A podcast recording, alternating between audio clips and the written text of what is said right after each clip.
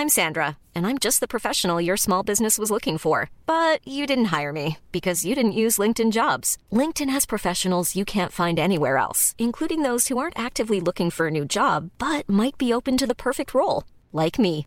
In a given month, over 70% of LinkedIn users don't visit other leading job sites. So if you're not looking on LinkedIn, you'll miss out on great candidates like Sandra. Start hiring professionals like a professional. Post your free job on linkedin.com/people today.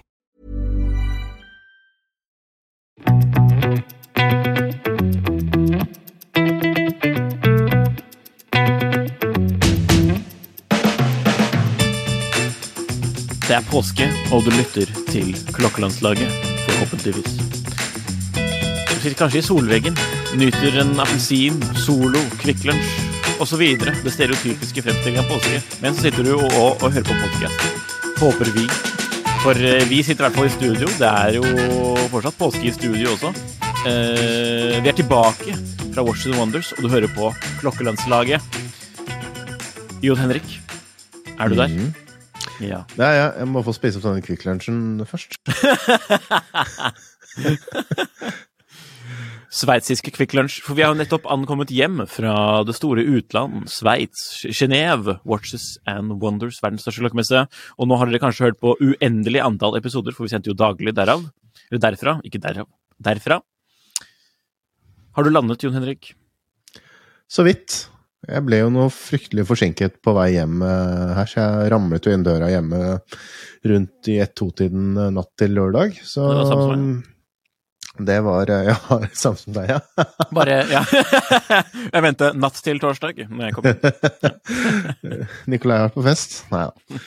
Ehm, nei, jeg føler vel egentlig det var, det var en utrolig fin messe, som det jo pleier å være.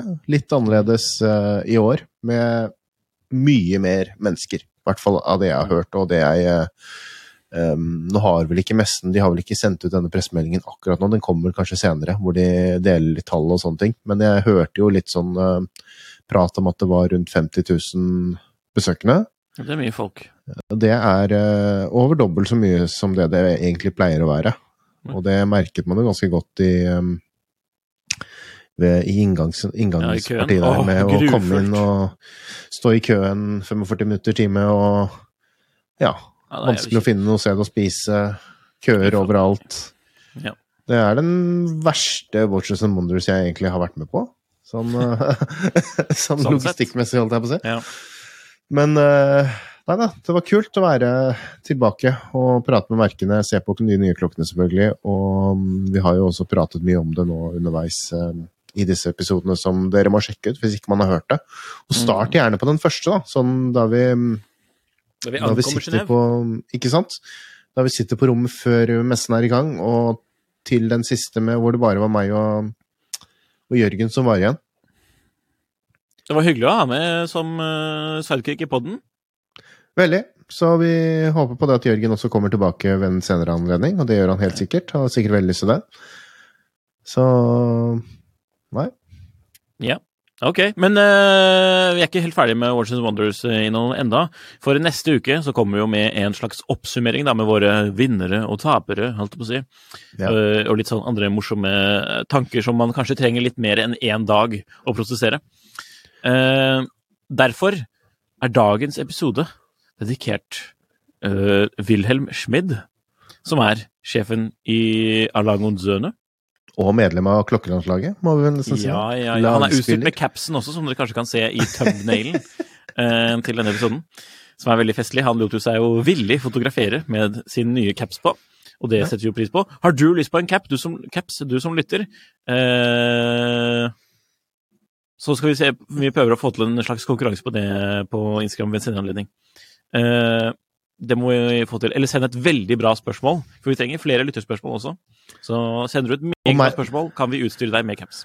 Merk med referanse 'ønsker caps'. Mm. Har veldig, veldig lyst på caps. Søknad. Legge ned søknad, så kanskje man kommer på en venteliste.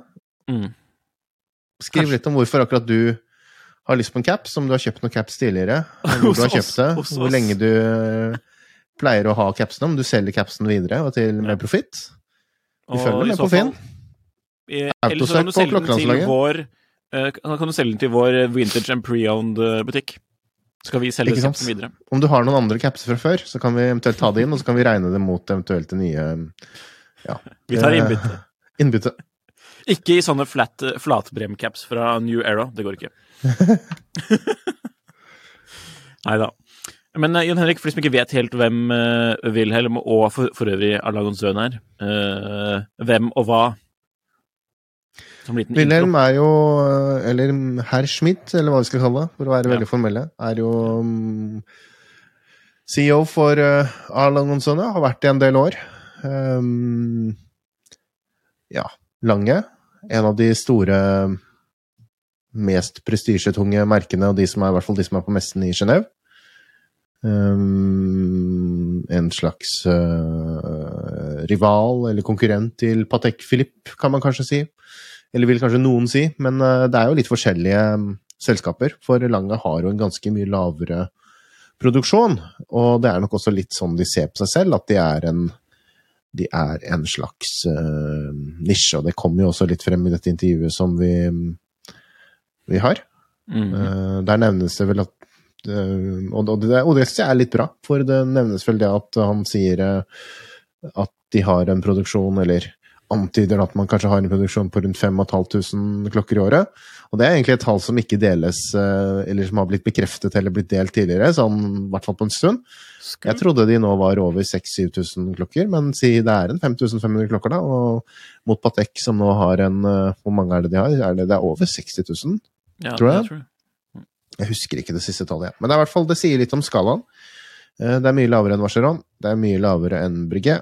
Det er en litt sånn nisjegreie. Det er et tysk merke, så det er jo heller ikke en del av de, disse tre store, eller hva man skal kalle det, og har jo heller ikke den samme kontinuerlige historien, for det er jo et merke som egentlig ble eh, relansert i 1994.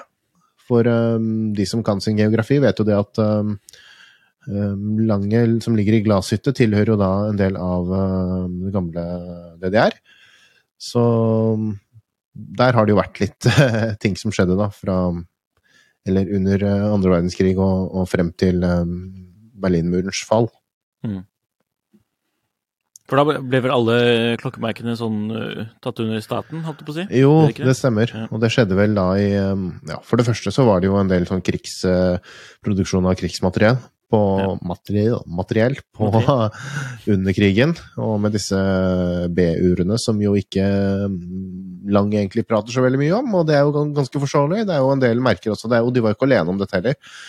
Det var jo mange flere andre merker, Melaco IWC, og IWC har jo valgt en litt annen taktikk da, med å kjøre opp uh, Big Pilot, ja, men akkurat sånn. bakgrunnen for den er de jo litt mer sparsomme med. Men um, det, mm, og etter krigen så ble det jo Sovjetunionen, og da, kom, og da ble jo alt sammen slått sammen til en sånn gigaklokke klokkeproduksjon, og mange av både Lange-navnet og andre ting falt jo gradvis bort, da. Med Lange-familien i eksil i uh, utlandet. Så de um, Eller i Vest-Tyskland. Uh, um, så de kom jo etter hvert tilbake, og det er jo da um, Walter Lange, som um, døde nå for to år siden, er det vel? Um, som var med på å restarte dette sammen med Gunther Blumlein fra, fra det som etter hvert ble da Richemont. Um, VDO var det vel som eide det, på den uh, mannsmann. Um, også en veldig sånn bransjeprofil som har stått bak veldig mye med med både IWC og Jeger. Og IWC og Jeger hadde jo da på det tidspunktet når Lange ble startet, et veldig tette bånd opp mot Lange, da, og det har de vel kanskje for så vidt fortsatt, men uh, nå er de jo en del av samme, samme gruppe, og ja. Det var litt om Lange? Det var litt om Lange. Jeg vet liksom ikke hvor mye man skal si. Nei. Men, men tror, det, er jo noe, det er jo mest uh, Wilhelm-intervju vi har som tema i dag, så får vi heller gjøre en spesial, yes. om spesialepisode om uh, Lange ved en senere anledning, og det tror jeg det blir mange anledninger til. Ja, det så de, må, jo, de kommer jo med ny Odysseus kronograf, som vi nevner i intervjuet. Det kommer vi nok også til å snakke litt om neste, i neste episode, hvor vi tar ja, for oss høydepunkter og skuffelser. Ja, den var kanskje i førstnevnte. Um, vi får se. Vi får se. Uansett, jeg tror vi kjører det intervjuet nå. Eh, nyt eh, 20 minutter med Wilhelm Schmid, som er da sjefen i Langonsøene. Eh, og så kommer vi tilbake etter det. Hei, velkommen til en eh, spesiell video fra Klokkelandslaget. Vi må ta resten av videoen på engelsk, så vi gjør det med en gang. Uh, we are here with Wilhelm Schmid, who is the CEO of uh, Alangonzone.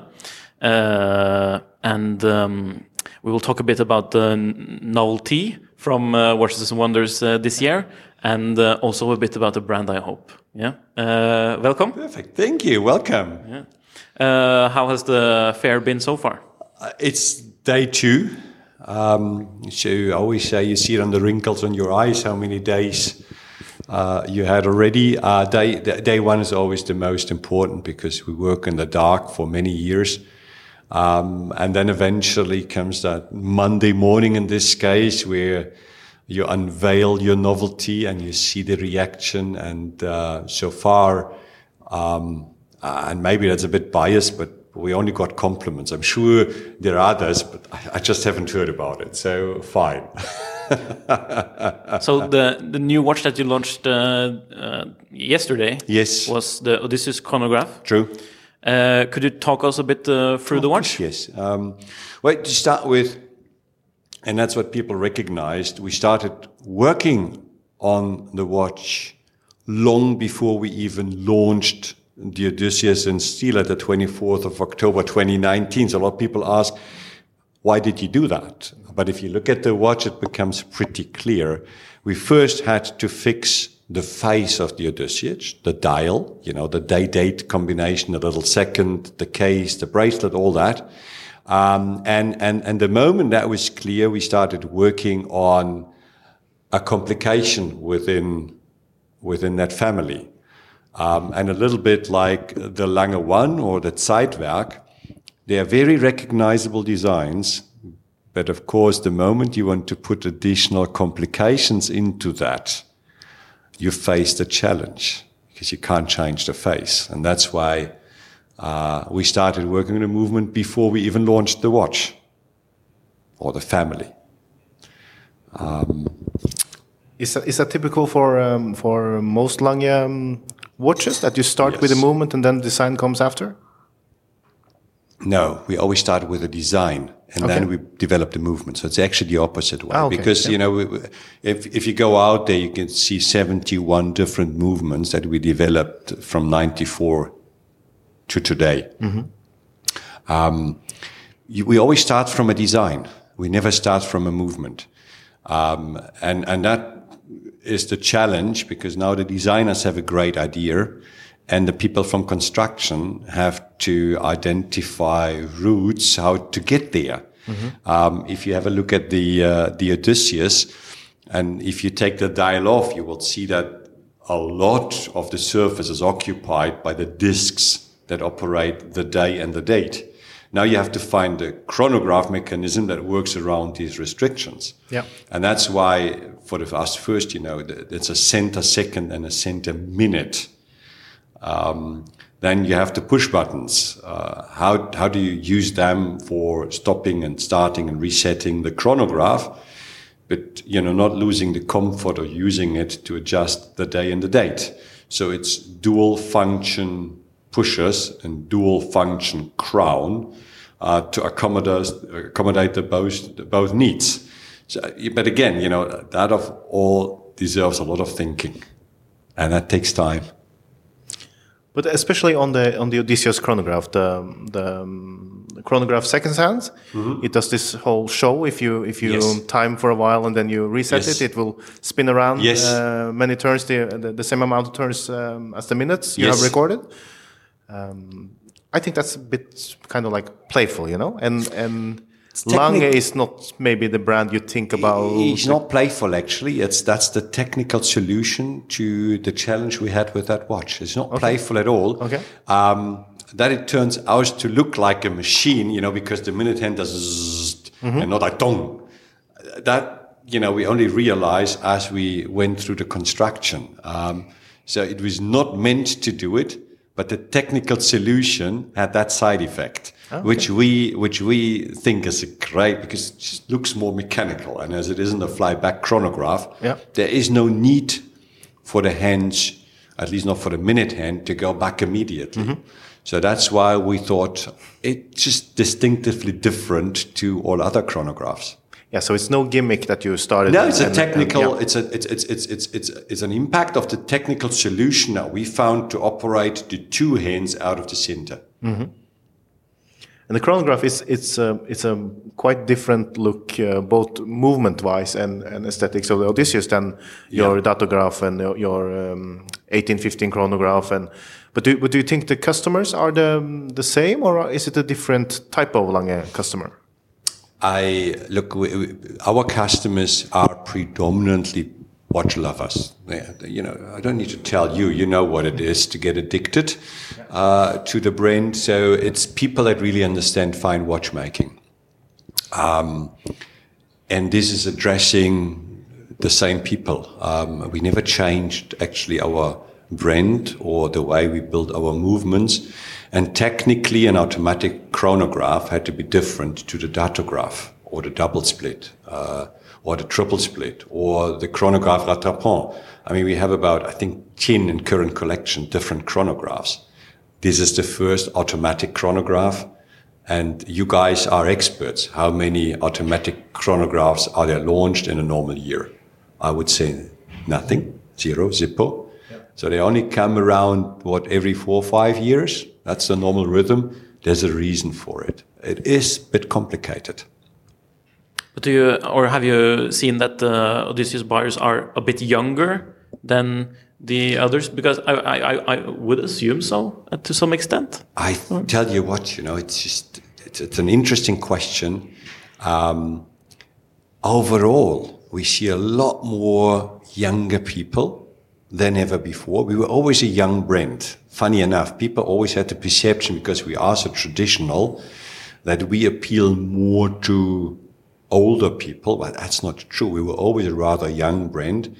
And I think the last three years where a lot of us spent far too many time in front of a screen, um, that created a new buzz. It helped people to understand what we offer. And, and, and obviously it fueled the desire uh, for, for Lange und Söhne quite a bit. Um, and I, I, I wouldn't say, you know, it's, we have young ones and we have old buggers like me. Um, so there is no, there is no uh, trend that I can recognize, but I admit I see a lot more young people that are interested in fine watchmaking, which I think is great for the future of our industry. That we can say, I think. Yeah. Yeah. But uh, now we have seen the Odysseus in titanium with a chronograph. Chronograph and titanium, I would say, are sporty things Yeah. uh, or characteristics. Yeah. Will we see more sporty things from uh, Lang in the future? No, look, it's, it's, we always said that we have the Odysseus to create a playground for us so that we can stay very traditional and in line with the DNA with all the other watch families. So there's no idea now to move titanium into, let's say, the Zeitwerk or the Lange One to produce another steel Lange One like we did in the 90s. That wasn't the idea. So the idea is really the Odysseus family we use as a playground. Uh, you know, that's why the automatic chronograph is in the Odysseus, and we can only use that movement in the Odysseus family because there's no way that you can move that into any other family. Um, the same goes for titanium or steel. Um, so that's the playground. So colors, material, complications, off the beaten track, um, non-traditional. Well, that's a hard word. They are very traditional in the execution, but of course in in the design it may be different. But that's uh, the, the, the the natural um, habitat of the of the Odysseus. And will all future Odysseus watches be uh, automatics as well? Is that something you have? I think it is quite natural because it's 120 meter waterproof, um, and and to ensure water protection, water tightness, it is just not a great idea to have something not automatic because you know anytime you lose the crown and you push it back, if you do that many times, you all know what happens to the ceilings or to the seals. So I, I think it is more a technical um, uh, necessity than based to the family. Uh, going a bit back to, to what we talked about about you, you perhaps seeing a bit uh, buzz among the younger younger audience. Um, we are seeing in the secondary markets now that a lot of big names are dropping in the prices, but Lange is going against that trend and actually um, uh, increasing. Do you have any uh, thoughts about that? I, you know, I, I simply believe that uh, demand and supply works in all dimensions. And if you go into any point of sale of us around the world, you will see no watches. And, and I do apologize for it, but success can also become your enemy because you can either display a watch or the customer or make the customer happy that was waiting for it. Um, and because there is no availability on, on, on, on the new watch, I think that automatically uh, has an impact on the secondary value. So people then look for alternatives and if they don't want to change the brand, then a natural alternative to new watch is a second-hand watch. And knowing us and knowing our after-sales service, they also know that there's no problem with it. So um, I think that's that's that's the best explanation that I can give. But have you increased the production capacity in the? We, you know, that's a good question. I'm a, not a watchmaker. I'm a businessman. I love to increase production, but I also have to admit, you know, they, they, they're assembled by hands, and mm-hmm. these are not industrialized movements. So they can work eight hours and sometimes nine hours, and they really go the extra mile. But there is a limit to what they can do, and that limit is the limit to our capacity, and that will actually, you know, limit the output. We are growing, but if I say grow, it's two or three percent. It's not like hundreds of watches that we can uh, increase year by year. Um, and sometimes there's not even an increase in the total number of watches because the moment we produce more complex watches, the total number will actually go down Yeah. because we need more capacity to produce one watch. Is, is capacity one of the reasons why you are only doing one uh, novelty this year, or is that something? There, there are three reasons to it. The one is you're absolutely right. If you look around here, you will see all the novelties that we launched uh, within the last three years. And if you have a little bit of understanding about a manufacturer, you know how huge the stress is for a manufacturer to to you know produce all these novelties. It's one thing to put them on display here. It's a very different story uh, to train all your watchmaker or the ones that have to work on it to establish the supply chain of it. You know, from from finishing to pre-assembly to assembly to all. The, you know that all comes with its own challenges. Yeah. Um, that's the first reason. The second reason is it's the first automatic chronograph that we ever launched in the history of our uh, little maison. You know, whatever we put next to it will not get the spotlight. um, and people, you know, our people with six years on the watch, it is also to honor all their efforts. So that's why we only have one novelty this year. Well, these watches and wonders. Yeah. Because trust me, there will be more novelty throughout the year. Yeah. But um, this um, issue with issue with capacity does does it impact um, the distribution strategy? Because For sure, yes. Yeah, look, it's natural. I mean, if you, you, we have reduced the number of point of sales simply due to the fact it doesn't make sense to have point of sales that don't have any watches on display and also where we cannot supply.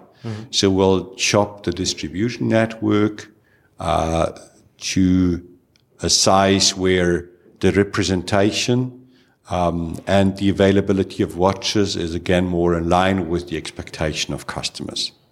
yeah, because um, I mean um, boutiques are now like the big uh, big uh, theme in that we're talking about in in uh, the Scandinavian markets Yes. at the moment because there are so many things have happened now in a very short amount of time. Before we had no uh, boutiques, and now there are several popping up and several in the pipeline. So, Yeah. um, what about Lange? Is it is it um, possible that there will be a Lange boutique in the Scandinavian countries in the near at the moment, we're still in the resizing of the network and not on building it. Um, so it's a little early to to to tell.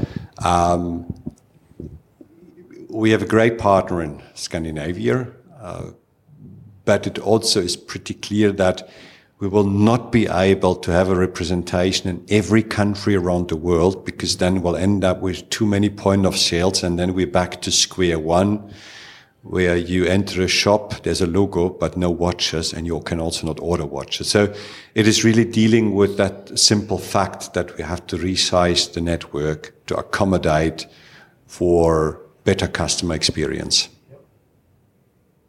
Fair. Um, we have seen in the other, in the economical markets in general that there uh, there has been some decline. What do you think about um, the watch market in all of this that's happening around the world? Look, I can't talk about the watch market because we only produce what five and a half thousand watches a year. So we are a niche of a niche. So that's you know you you asked the wrong person about the watch market. Um, How about the Alangon's position in the watch market? Yeah, no, we we actually fine. Uh, we don't see that. But again, you know, we have watches. There's waiting times for a few years whether there is now a few years less one year, we don't recognize. Um, so we're still doing fine. All right. You have any more questions, Jan Henrik? Yeah. Uh, last year, we uh, just came out of Corona, and Yeah. we talked a bit about that and how the Corona period has been, and and um, how has uh, the year since we last met been for you? It was it was tough. Uh, you know, we, we we had another massive uh, wave of uh, sickness in, in the last quarter of uh, last year. Okay. So October, November, December were not great. Uh, January, January, February, and March looks better. Um, there's one thing to say we're done with Corona, but you know, people still unfortunately sick with it. Yeah. And not only with that, we had a flu wave, and then we had that, you know, thing that affected children. Um, and we have a lot of young people working for us, so they had to take care of their children. So it wasn't without complications. I hope this year is better than last year Yeah, let's hope. in production. Um, you know, I'm not not talking about sales. That's a very different story. But in production, uh, it was not without challenges. Yeah. So I see that time is is uh, running out for us, and I know you're a busy man. So I would just like you to thank you for uh, giving us the opportunity to have a talk with you this year as well. And uh, Love it as always. Thank you, guys. Uh, you know that I used to live in Denmark. yeah, I think you maybe men- mentioned that. Right? So whenever I hear Scandinavia and I hear you talking, um, I can understand a bit of it actually. Still, I haven't used it. Oh, a we need to be careful time. then. Yeah. Great. Uh, Thank you. Good to see you. Good to see you too. This Mother's Day, celebrate the extraordinary women in your life with a heartfelt gift from Blue Nile. Whether it's for your mom, a mother figure, or yourself as a mom, find that perfect piece to express your love and appreciation. Explore Blue Nile's exquisite pearls and mesmerizing gemstones that she's sure to love. Enjoy fast shipping options like guaranteed free shipping and returns. Make this Mother's Day unforgettable with a piece from Blue Nile. Right now, get up to 50% off at BlueNile.com. That's BlueNile.com. I'm Sandra, and I'm just the professional your small business was looking for. But you didn't hire me because you didn't use LinkedIn jobs. LinkedIn has professionals you can't find anywhere else, including those who aren't actively looking for a new job but might be open to the perfect role, like me. In a given month, over 70% of LinkedIn users don't visit other leading job sites. So if you're not looking on LinkedIn, you'll miss out on great candidates like Sandra. Start hiring professionals like a professional. Post your free job on linkedin.com/people today.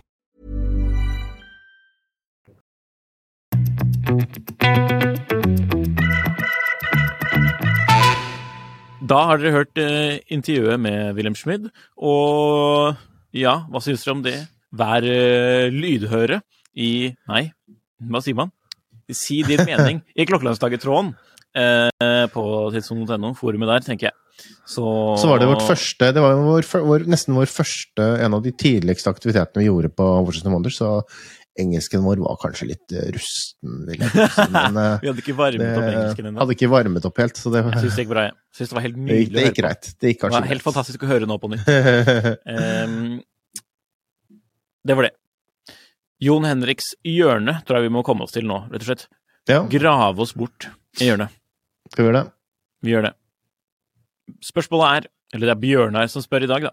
Eh, Hva er den slash de største feilene man har gjort som samler? Spørsmålstegn. Oi, de er mange. For det første så vet jeg ikke egentlig om jeg har lyst til å kalle meg for samler, fordi jeg setter det litt sånn eh, Ja, jeg føler ikke jeg er helt kvalifiserer helt til det, for jeg vet jo hvordan skikkelig samler er. Um, men som en entusiast eh, og, sam og samler, så vil jeg vel kanskje si at noen av de største feilene, i hvert fall, det er litt det å være for rask på avtrekkeren når det gjelder kjøp og salg. Og det er kanskje litt sånn man gjør når man er tidlig inne i hobbyen og er overentusiastisk. Mm.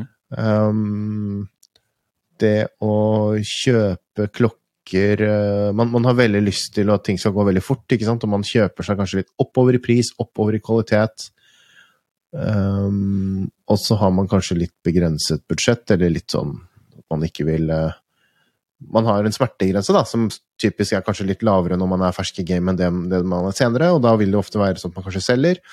Um, så det å drive og kjøpe og selge først, og, gjerne, og gjerne ofte før man kanskje egentlig forstår hva det egentlig er man har kjøpt, eller hva man eier, det så vil jeg si er en litt sånn feil mange gjør. Um, for det tar jo litt tid, da. Det er jo ikke alltid det der at jeg Som regel av det jeg i hvert fall ser både hos meg selv og hos andre, så har det alltid vært litt sånn at dette med å kjøpe tingene kanskje ofte har kommet litt før uh, den kunnskapen som man bygger opp, uh, og erfaringene som man bygger opp gradvis over tid. Og at det har vært klokker jeg til og med kanskje har solgt, og som kanskje ikke forstår hele Man ikke forstår produktet helt, da, før man kanskje et, noen år senere, til og med. Um, så hvis man har muligheten til å ta det litt med ro, og nyte de klokkene man har Nå snakker du om Invicta, ikke sant? Ikke sant, kanskje ikke Invicta, men når man kommer seg over Invicta, så, Neida. så Nei da. Men uh, ro ned flippingen. Um, og har man mulighet til å kjøpe, så heller kjøp og hold. Og sitte litt på klokkene. Og, og prøve å nyte, la det bli en del av en samling, da. Og, og les deg heller opp. Og det der med å drive og kjøpe og selge klokker, det blir nesten som dop, da. At man driver og At man blir helt hekta på den følelsen av å alltid ha noe nytt. Og det føler jeg er en ganske Det er egentlig en annen hobby, føler jeg, da, enn klokker. For da kunne det like godt vært eh, biler eller uh, sølvtøy eller sko eller uh, vesker eller uh, ryggsekker eller pen, Så så du bort på samlingen din, da. penner eller bøker eller hva som helst. ikke sant? Bare det at man, noe ting man bare kjøper, at man kjøper en ting jevnlig, og så får man en sånn kick, og så Mm. har det egentlig ikke så mye med hva det egentlig er, tenker jeg da. Mm. Men Så det å finne seg sjæl litt, som klokkeentusiast, hva man liker, hva man ikke liker, at man forstår produktene. En annen ting er jo det at impulskjøp Eh, som jeg også selv gjør en gang iblant, er jo også noe som jeg merker er eh, jevnt over at det ikke fungerer så bra. Det, det er ting man er veldig entusiastisk for der og da, Mm. og så faller det ganske fort. Og så hvis man da Ja, det det, litt sånn mister litt fokus. Som entusiast, tenker jeg, eller Ja. samler. Hold fokuset. Bedre å- Les tidssonen.no. roe ned litt, les seg opp, nyt det man har. Kjøp deg heller en lupe. Se, se litt på de tingene man har, og prøv å forstå hva det er. Der Heller, kjøp heller en lupe enn en ny, ny klokke. Men ikke for, ikke for sterk lupe, da, for da, da ser man ting man ikke klarer å få Ja, og da vil man ha ny klokke. Dyrere klokke. Mm. Bedre finisjert med J. Mm. mindre skitt. Ja. Ja, ja, ja, uff. Ja. Det er apropos Har du det. noen, har du noen, eh, har du noen uh, Tips? der, eller, på spørsmålet? Altså Jeg føler uh, at Nå har jeg vært registrert på tidssonen i elleve år. Ja. Uh, og da startet samtidig min klokkereise. Min klokkereise! Jeg hater det ordet reise, men um, altså min klok din erfaring- klokkereise i klokkeverdenen. Ja, min erfaring begynte jo med på tidssonen med å spørre om er, den, er min SKX fake? Fordi da var jeg så usikker på den var fake. Ja, ikke sant? Så ting har endret seg, man kan si det så. Eh, men det er fortsatt det der om at man må altså, lese, seg, lese og lære å lese før man Mm. kjøper. Mm. At det å skaffe kunnskap, det er en del av moroa, det også. Det er ikke bare den der selve transaksjonen og den følelsen du har en uke etterpå, som er the good shit. Det er det å lære, rett og slett. Og det er derfor Og, det, og alle vet jo det, men til og med de som selger deg klokken, vet det. For det var, hva er det de første de forteller deg når du kommer i butikken og skal kjøpe en klokke? Så sier de sånn denne har, Hvis du drar ut eh, antenna på denne, så kan du finne Nei, så kan eh, Redningsselskapet finne deg på null komma niks. Og en eller annen Bear Grills-aktig type har brukt den før, og det funket veldig bra. Det er jo sånne lette, lette salgsargumenter som eh, gjør at man kan fortelle videre til folk. Men for, for da får du føle at du får Ok, La oss si du kjøpte da en Bretling Emergency etter å ha hørt en historie hos selgeren. Så da går jo du rundt og forteller den til alle andre på middagsselskaper. Men så tenk deg, det er jo faktisk ikke den mest interessante historien med den klokken, men den interessante historien med den klokken, det finner jo du etter å ha gjort egen research, skikkelig research, ikke sant. Da kan du vite, da kan du skjønne hvorfor denne transponderen er så egentlig så kul. Hva, hvem som designer klokken, og hva han tenkte når han designet, eller henne designet, eh, tenkte når vedkommende designet klokken. Eh, andre som har den klokken. Litt sånne kule ting, da, ikke sant? Jeg trodde Hvorfor er antennen si tre eh, millimeter tykk? Det kule med den klokken er når man drikker seg skikkelig, skikkelig full, og så drar man ut den, eh, Ja, den, eh, den- aktiverer den senderen, og så får man en kjempestor regning i, eh, i Når de må lande på Aker Brygge. Ja. Helikopteret kommer ned i Redningshelikopter over Aker Brygge. Nå har Nikolai kjøpt seg en ny Breitling. Slapp av. Det er bare Nikolai som har kjøpt seg en ny. Breitling. Dørvakten Ja. kasta meg ut. Da er det bare Ja, ja, ja. Neida. Det var kanskje Jon Henriks hjørne. Ja, jeg tenker vi sier det greit der, ja. Ja. Og da har vi også et gullkorn på Finn. Men vet du hva? Først har jeg lyst til å ta en liten wrist-check. For at um, Apropos Watches and Wonders, dette er, jeg har på meg klokken som jeg angrer på at jeg ikke hadde meg på Watches and Wonders. For at jeg tenkte sånn Å, jeg skal ha på noe som er uh, rimelig og ikke trenger å være redd for, eller um, Sånn som oss andre. Uh, sånn som dere, ja. Men nå Ikke at den her er så fryktelig dyr, da, men eh, jeg skulle hatt på meg dobbeltkronografen. For den er mye mer kul eh, å komme enn den Longines gikk med. Ikke med min sånn eh, Fikk du ikke nok anerkjennelse, føler du, for, eh, for er det, det er litt sånn når man Nei, går der, at man håper, det at, man håper de at Oi, så der, er- alle- der er Ben så Clymer. Kanskje han kommer bort og sier 'jeg har en fin Longin'. Kanskje det er, Den ligner jo litt på den han har også, vet du, som han, de, de gjorde en reedition av til Jeg Eh, Så du ham forresten på messen inne? Ja, jeg gjør det flere ganger. Ja, ok. Du, du var jo på samme sånn, Ja, ja, men det var- et evenement med han også. Det var jo etter, etter eh, After Ja, ja. Hours. ja, men jeg så han på messen to ganger. Ikke løpende med, ikke løpende Nei. med koffert, sånn Og- som oss. Apropos Starstruck, da, for de som hører på. Davide Cerato. Jeg, vi, jeg så han to-tre ganger i messehallene. Og så, Jeg og Henrik prøvde jo å booke et intervju med vedkommende Ja. for, for HIT, men det viser at han jobber ikke der lenger. Det har ikke noe som har snakket om det stort på internett. Ingen som er, Eh, han har ikke engang oppdatert profilen sin på Instagram og Facebook. Ikke Facebook heller. Eh, men så så vi han gå i gangene. Turte ikke å snakke med han første dagen. Så så jeg han igjen, så tenkte jeg sånn Ah, pokker! Nå må jeg gå bort og spørre. Så bare sa jeg sånn Ah, Mr. Gerato.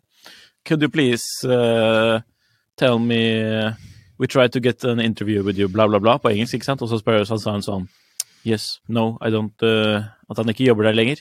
Og så ga jeg han, så spurte han om han kunne få kortet mitt. Og naturligvis hadde jeg ett businesskort, for hvem går med businesskort lenger, da? Men vi var i Sveits, der har folk tydeligvis det. Så ga jeg mitt eneste businesskort til han, og så sa han sånn I'll contact you in two months. Så vi får se. Uh, hvor han Don't da call me, I call you. I call you. time vil show, tenker jeg. Ja, så hvis det ringer fra et sånn sveitsisk telefonnummer, så må du ta telefonen, Nikolai. Ja, altså avgjort. Da vet du at det er eh, din nye venn, David. Ja. Ja, du er venn med på Facebook allerede. Jeg er venn med på. Facebook. Eh, hvor var jeg? Nei, vi var med at du så at du, så at Jo, du ble starstruck. Ja, og så Ben Clymer, bla, bla. Ja. Mm, og hva jeg Nei, mange- Jo, vi var på wristcheck, var vi på. Jo, så jeg, jeg hadde jo på meg Longinen, den fra 40-tallet, men så skulle jeg hatt på den her, da. Uh, Mm. Dobbeltkronografen. Hva eh, har du på i dag, Jon Henrik? Jeg tok på en gammel eh, slager. Min uh, Speak Mm, Marine eh, Spirit Pioneer. Yeah. Med Laget i spreke lugs. 68 I 69 I 68 1969. eksemplarer. Det hadde vært litt for morsomt om det var 69, sikkert, for noen. Ja, det. Ja.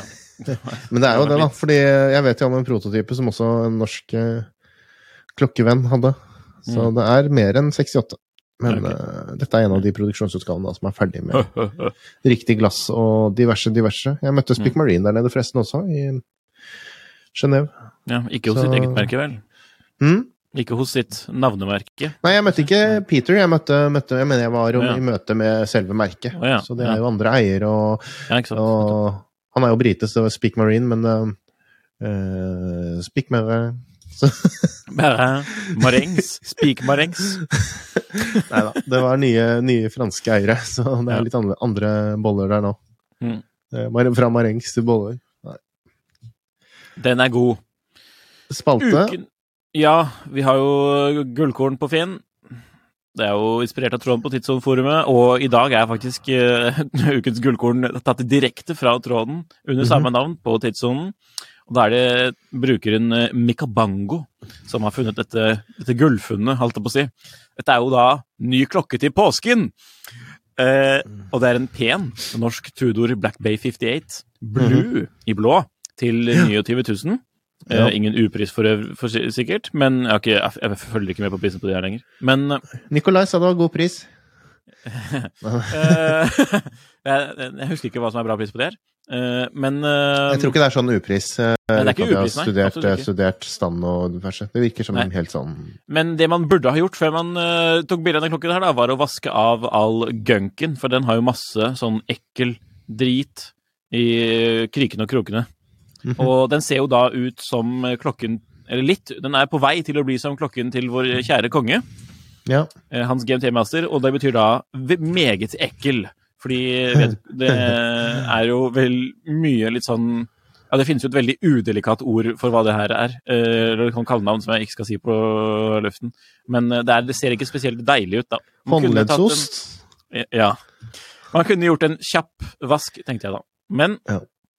eh, hvis man er på utkikk etter en uh, grei uh, 58, så var ikke det her noe upris. Så da kan man alltids gjøre en deal ved å vaske klokken eh, selv. Det er jo sånn man eh, ofte må gjøre. Altså, jeg har opplevd å få mange rare altså, om bare. Den, den Longinen som jeg uh, snakket om i stad, som jeg hadde på når jeg kjøpte den Å, fy faen! Den var så nasty. Full Mhm. av den, hadde jo, den gunken var jo blitt helt grønn.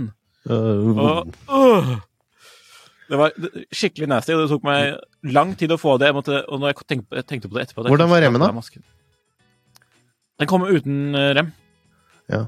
Eller så var det en sånn ekkel sånn husker jeg ikke sånn der eh, Du vet sånn Flexofit-rem.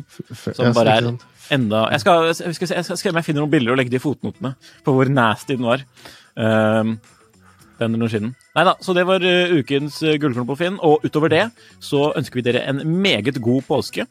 Og så ses vi neste uke for en Watch and Wonders-oppsummering. Det gjør vi. Ja, takk for at du hører på Klokkelandslaget, en podkast fra Finansavisen i samarbeid med tidssonen.no. Hør også på f.eks. Mil etter mil, en podkast om bil, Kunstpraten, Morgenkaffen, og gå på tidssonen.no og registrer deg på forumet Diskuter. Hei og hå!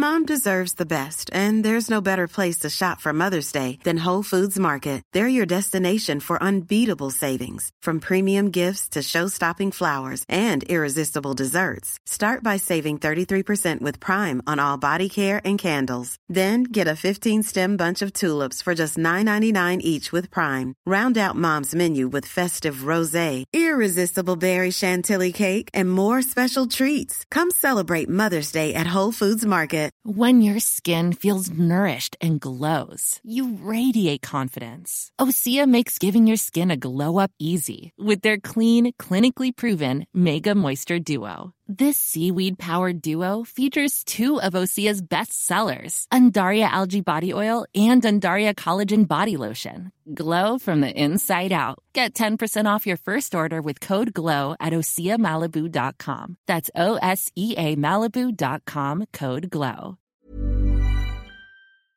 Klokkelandslaget er en Finansavisen-podkast i samarbeid med Tidso. Programleder er Nicolai Giel, og Jon Henrik Haraldsen. Produsent er Lars Brenden Skram. Podkast- og videoansvarlig er Marius Mørk Larsen. Og ansvarlig redaktør er Trygve Hegnar.